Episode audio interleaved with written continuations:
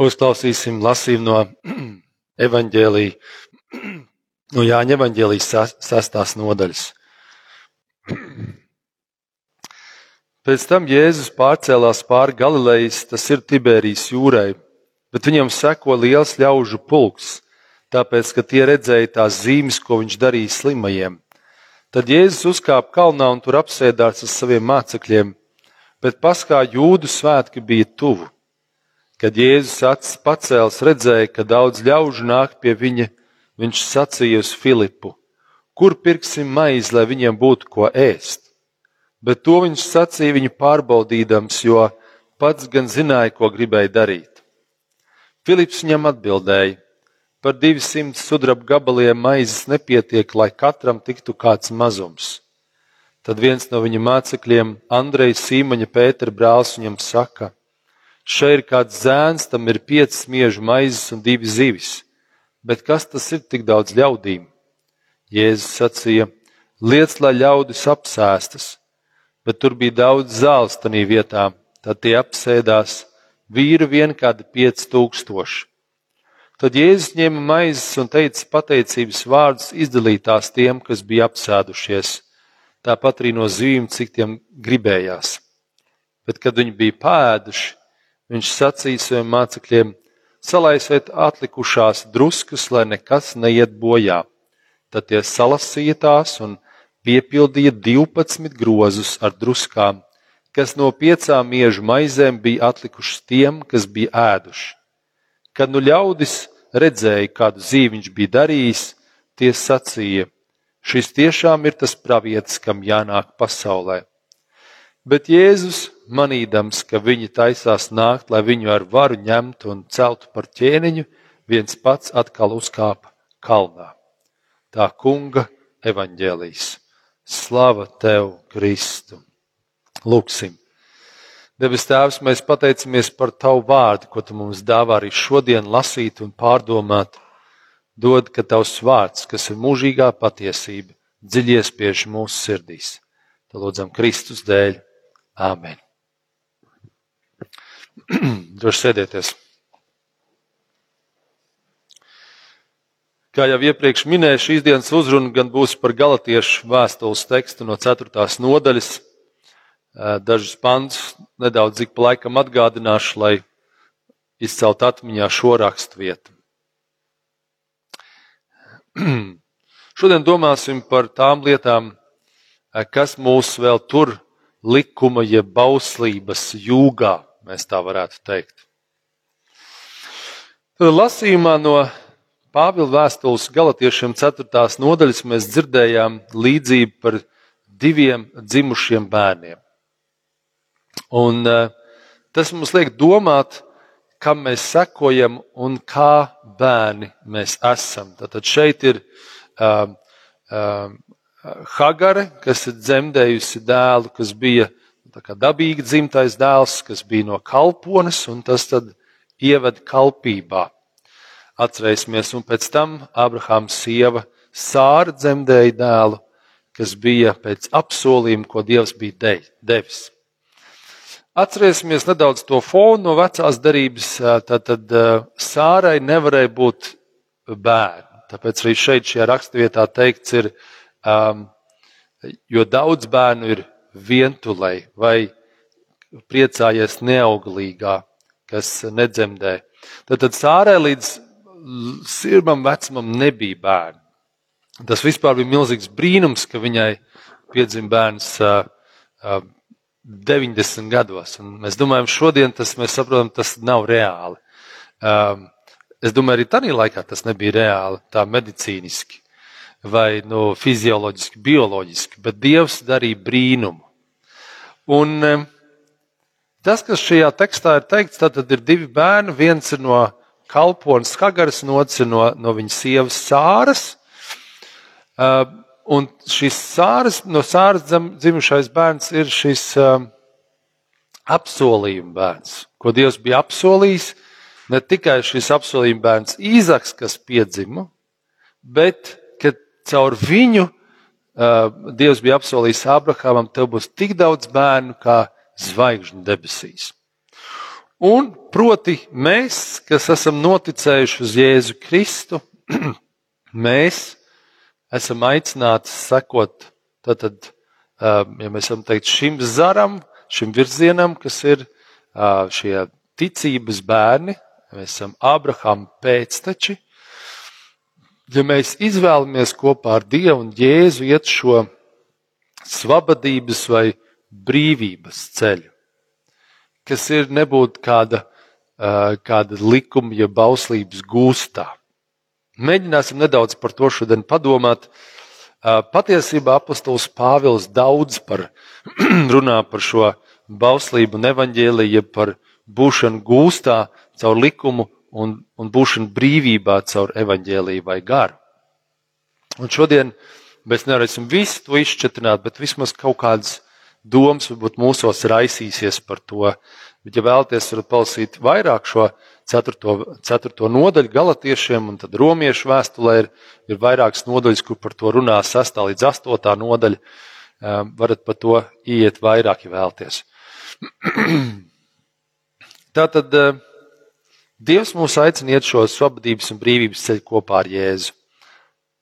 Kalponu tātad dāvāja Abrahamam Ismailu, kas dzima kalpībai, un Sāra dzemdēja Īzaku, kurš bija apsolītais dēls un dot brīvību.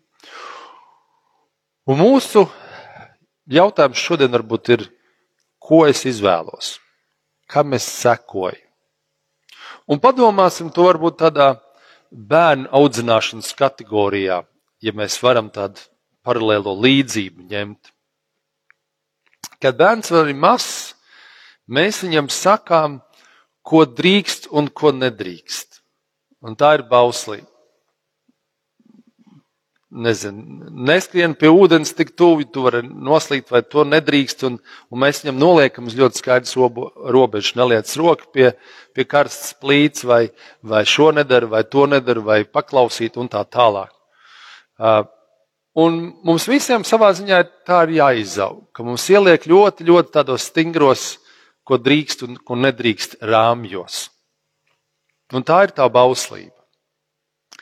Mēs varam teikt, ka Dievs to deva pie Sīnaja kalna caur mūzu, ja šos baušļus Izraēla bēbītim, kad tas izgāja no Eģiptes verdzības, kad viņi zem, bija verdzībā 400 gadus, tad, tad, tad pēc tam, kad viņi izgāja brīvībā, viņi vispār nesaprot, ko nozīmē brīvība. Viņi nevarēja to satvert. Viņam bija pārāk brīva šī brīvība. Tāpēc Dievs deva šos baušļus, lai, lai mēģinātu šim jaunai, jaunajam Izrēlam bebītim iedot kaut kādas rāmjas. Jā. To drīkst un to nedrīkst. Un Dievs 40 gadus pārbaudīja šos cilvēkus, kā viņi to saprot un ir iemācījušies. Un jāsaka, viņam nediezko labi tas gāja, un tiešām tas paprasīja tik daudz gadus, klejot pa tuksnesi, jo ceļu, ko viņi varēja noiet 13 dienās, viņi gāja 40 gadus, jo, bet tas bija tas laiks, kurā Dievs viņus audzināja, veidoja un mācīja. Bet, kad bērns ir paaudzies, mēs domājam, atgriežamies pie bērna audzināšanas līdzības, tad vecāki māca viņam izdarīt kaut kādas izvēles. Uh, jā, patiesībā jau jaunākās pedagoģiskās metodas saka, ka diezgan ātri ir jādod bērnam šīs izvēles izdarīt. Un cik tas vien ir iespējams, dot zinām brīvību. Un ar katru gadu mēs dodam aizvien lielāku brīvību savā ziņā. Saredzēt pašiem, kas ir labs un kas ir ļauns, un izdarīt zināmas secinājumus. Ja? ja mēs maziņš bērns iet pie karstas krāsnes, tad mēs sakam, to nedari. Bet, ja viņš ir lielāks, jo viņš tik joprojām grib, mēs varam teikt, krāsnes ir karsts. Un, ja tu piedurs pirkstu, apdedzināsies. Bet, ja tu ļoti vēlies to darīt, tu vari to pamēģināt. Vismaz vīrieši tā darīt, sievietes noteikti to neļaut. Es teiktu, nu, nu, nu, nu. pasarg Dievs. Bet ir vajadzīgs uh, dot bērniem zināmu brīvību, lai viņi paši var izvēlēties. Un jo ātrāk dod, jo vairāk viņi to iemācās, šo brīvību. Un tas ir evaņģēlijs. Jeb tā ir tā dieva dotā brīvība izvēlēties. Tā ir iespēja arī tādā garīgajā kontekstā noticēt Dievam un viņa apsolījumiem un tiem sekot. Dievs ir tik labs un žēlstības pilns, ka Viņš mums dod iespēju izvēlēties, vai viņam sekot vai nē. Vai mums iet aplamos grēka ceļus, vai izvēlēties svētos bezgrēcības ceļus. Un sākumā gan bērnu audzināšanā, gan dievu ceļus iepazīstot, mums ir, mēs vairāk atbildam uz jautājumu, ko drīkst un ko nedrīkst, kas ir pareizs un kas nav pareizs. Kaut vai par iešanu baznīcā, jeb sabata, jeb svētās dienas svētīšanu. No sākuma daudziem ir jāpasaka, tev jānāk uz dievkalpojumu svētdienā. Un tas ir gandrīz kā tāds bauslības uzstādījums. Ja tu gribi kādu ticības ceļu sākt, nāc svētdienā uz dievkalpojumu. Un ar laiku, kad tas cilvēks nāk, ja viņš patiešām nāk, ja viņš tiešām grib iet dievu ceļus, viņš saprot, ka tā nākšana svētdienā uz dievkalpojumu tā vairs nav bauslība vai likums, kas jāpild, vai kā pienākums. Bet tu saproti, man tas pašam tik ļoti ir vajadzīgs. Ka bez tās dieva klātbūtnes un, un mīlestības un tā dieva gara satveršanas, piemēram, svētdienas dievkalpojumā, es neesmu tas cilvēks. Kādā mirklī, kad cilvēks iet Dieva ceļš, viņš saprot, ka daudzas šīs lietas, kas kādreiz bija kā baukšļi, kā aizliegums, tev nebūs to vai šo darīt, ka tas ir par milzīgu svētību. Ka tas man ir vajadzīgs, ka Dievs to ir nolicis, jo man pašam būs labāk. Un kādreiz, kad mēs to nesaprotam, vai kaut kur aizraujamies, Dievs atkal mums to ar kādu bausli atgādina vai kaut kur noliek pie vietas. Tāpat kā atkarību gadījumā. Kādai atkarībai sākumā ir stingri jāpasaka, nē, to nedrīkst. Un ar laiku cilvēks pats saprot, ka šī atkarība nes postu neved nekur, ja viņš saprot. Un mēs nevaram viņu, viņa vietā to iedot saprast, otra cilvēka vietā. To tikai var katrs individuāli pats saprast, kā atkarība ved postā. Ka tas nekur neved, ka tas ir tupiks, bezceļš. Varam ņemt arī par piemēru gavēni. Kamēr cilvēks nekad nav gavējis, viņš no tā visbiežāk baidās un negrib saņemties un nevar piespiest sevi. Un tad ir labi šo cilvēku pamudināt, iedrošināt, varbūt pat noteikt, tev to vajag. Vēlāk cilvēks sāk saprast un novērtēt gaveņa spēku un atrod vislabāko veidu, kā gavēt un kas nes vislielāko svētību. Jo arī gaveņa mērķis nav gavēt gavēšanas pēc. Tas ir mērķis tuvoties Dievam. Mēs tuvojamies caur lūkšanām, Dieva vārdu lasīšanu, un ja kaut kas mums šajā ceļā nu, pietrūkst, mēs nevaram izlausties, mums ir pārāk liels tāda apātija vai kas cits mēs paņemam vēl gavēni, lai tas mums palīdz sasniegt mērķi, mēs teiktu. Un tā mēs varam par, par visām lietām, kas saistīts ar likumu, jeb bauslību. Likums un bauslība ir vajadzīgs tur, kur cilvēks pats nesaprot un neizvēlas žēlstību. Tad viņš ir jāierobežo. Kā to dara, piemēram, sabiedrība.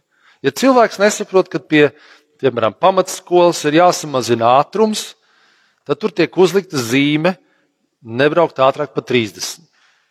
Ja vēl kāda brauc, tad uzliek varbūt guļošos policistus.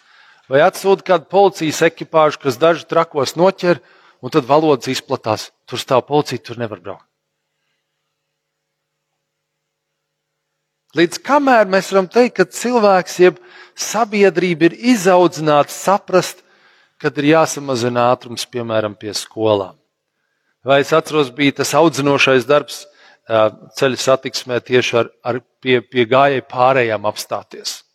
Kādreiz daudz neapstājās un brauc un trakoja, un tad uzlika sodas, izdarīja vēl kaut ko, un tad cilvēks sāk mācīties. Un, un vienā mirklī tu saproti, tā sabiedrība ir nedaudz izaugusi tajā. Un mēs varam domāt par mums pašiem šajā laikā. Kas ir tas, likums, kas mums ir bijis kā likums, bet kur Dievs caur šo likumu vai kaut kādu noteikumu mums ir mēģinājis audzināt un veidot, lai mēs vienkārši saprastu paši un ieiet tajā brīvībā, man to nevajag. Es to negribu darīt. Tas nav vajadzīgs. Tādā sabiedrības kontekstā mēs domājam par karu Ukrainā, tad rietumu sabiedrība mēģina uh, pateikt uh, Putinam ar dažādām represijām. Tā darīt nedrīkst. Tas nav labi, ko tu dari. Un mēs nezinām, cik tālu tas ies, un kad, lai Dievs dod ātrāk, viņš varētu saprast, ka tas, kas tiek darīts, nav labi. Kā viņš to Dieva gars viņam atrāda, vai beidzot kaut kāds brīnums notiek, vai kā citādi notiek kaut kādas izmaiņas. Jā. Bet no otras puses, mēs nevaram īsti, kā es teicu, otram cilvēkam iedot. Patiesībā katram šis ceļš ir pašam jāiziet. Un bieži vien mēs tā reāli sākam kādas lietas saprast, tad, kad mēs tā patiešām, patiešām, kā saka, atraujamies. Ka mēs braucot ar mašīnu, eh, dabūjam kādu lielu sodu, vai kad nedod Dievs kādu avāriju, vai kāds, kāds negadījums cits notiek, un tikai tad mēs tā pa īstam, īstam varbūt kādreiz saprotam. Ja tie mierīgie likuma ierobežojumi uz mums neiedarbojas. Tādā ticības kontekstā apustulis Pāvils mums mudina iet dieva apsolījumu ceļu. Ka tad, kad Dievs mums Bībelē dod kāds apsolījums, ka mēs ticam šiem apsolījumiem, ka mēs nedzīvojam tādās nemitīgās bailēs, bet kā mums tagad būs? Kā mēs nezinu, iztiksim, kā tas būs vai šis būs? Protams, atkal domājot par globāliem notikumiem, tas mūs satrauc.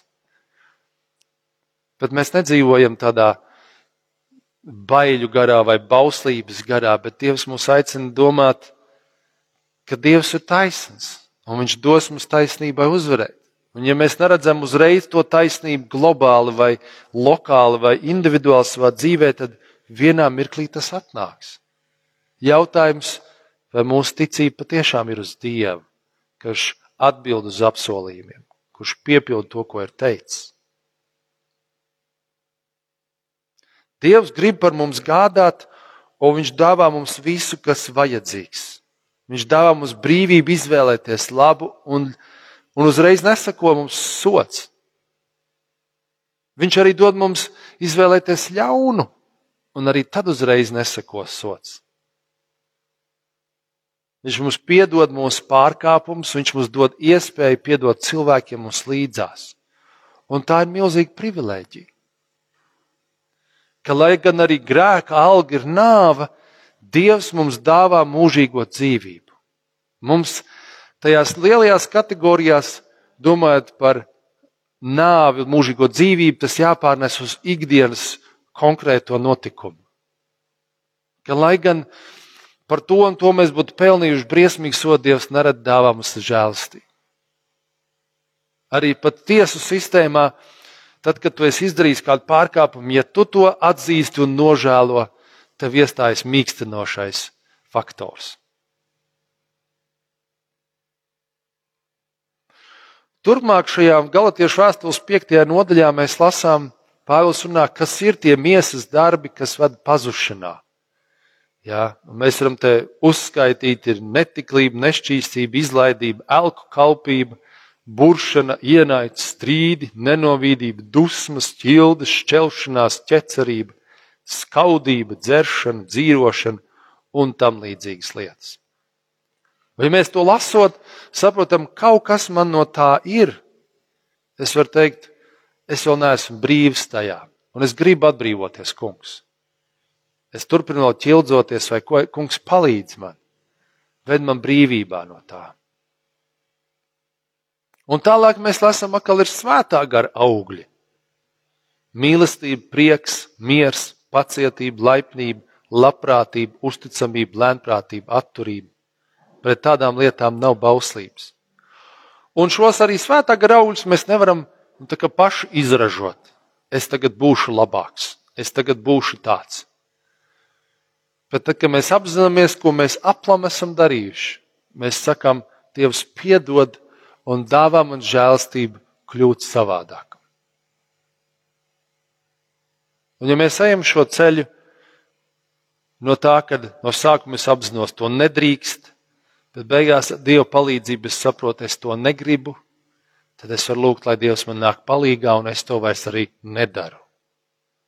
Bet tas ir katrā jomā, kurā mēs vēl esam zem tādas bauslības, tas paiet kaut kāds laiks, kamēr mēs līdz tam aizējam, kamēr es esmu brīvs, atbrīvots. Mēs pat varētu teikt, ka gavēnis vai svētdienas dievkalpojuma apmeklējums, bībeles lasīšana, lūkšanas, patiesībā ik viena garīga lieta mūs velk tuvāk Dievam un dara mūs lielāku brīvību no elkiem un kalpošanas miesai. Katru reizi, kad mēs uzvaram mazo cīņu, jo tā ir lielāka vai mazāka cīņa, atnākot uz dievkalpojumu vai palasot Bībeli, mēs uzvaram šo cīņu, tad mēs ar kaut kādu mazu solīti kļūstam brīvāki no tādas bauslības jūga, no kalpošanas elkiem. Mums vajag savu miesu nest un būt tajās vietās, kur mēs sastopamies ar Svēto garu, ka tas mūs var izmainīt un darīt brīvus, dod uzplaukt un labi justies mūsu dvēselē, kas ir tajā mūsu miesā. Viņa dvēsele tik ļoti augsta pēc dieva klātbūtnes. Viņa brēc iekšā man vajag, un mēs kādreiz viņu tur ieslogām tajā miesā un neļaujam izpausties, bet kopā ar Dievu viņa atpūšas, kopā ar Dievu viņa atveldzējas un, un uzplaukst. Tikai tāda dvēsele var ar prieku doties ikdienas gājumā, īpaši šajā laikā, un būt par svētību cilvēkiem. Kad tā ir pati garīgi pabarota, paēdināta, atpūtusies. Lai Dievs dod, ka vēl šajā gavēņa laikā mēs par to varam domāt un ieraudzīt tās vietas, kur mēs vēl neesam brīvi no tādas kalpības, bauslībā vai kalpības miesai, mēs varētu teikt. Lai Dievs mums vēl caur savu garu uzrāda šīs jomas, kur vēl neesam brīvi, un ka mēs esam atvērti saprast, kuras ir šīs jomas. Lai Dievs dod, ka šis laiks dod mums gribēšanu, vēlēšanu ar Dievu palīdzību atteikties, atbrīvoties no kādām miesas važām, kas mūs kalpina. Un tas sākas ar mūsu gribu, ka mēs nonākam Dievu priekšā un sakam, Dievs, es gribu savādāk palīdz man. Dieva gars nāk palīgā jau tad, tad mirklī.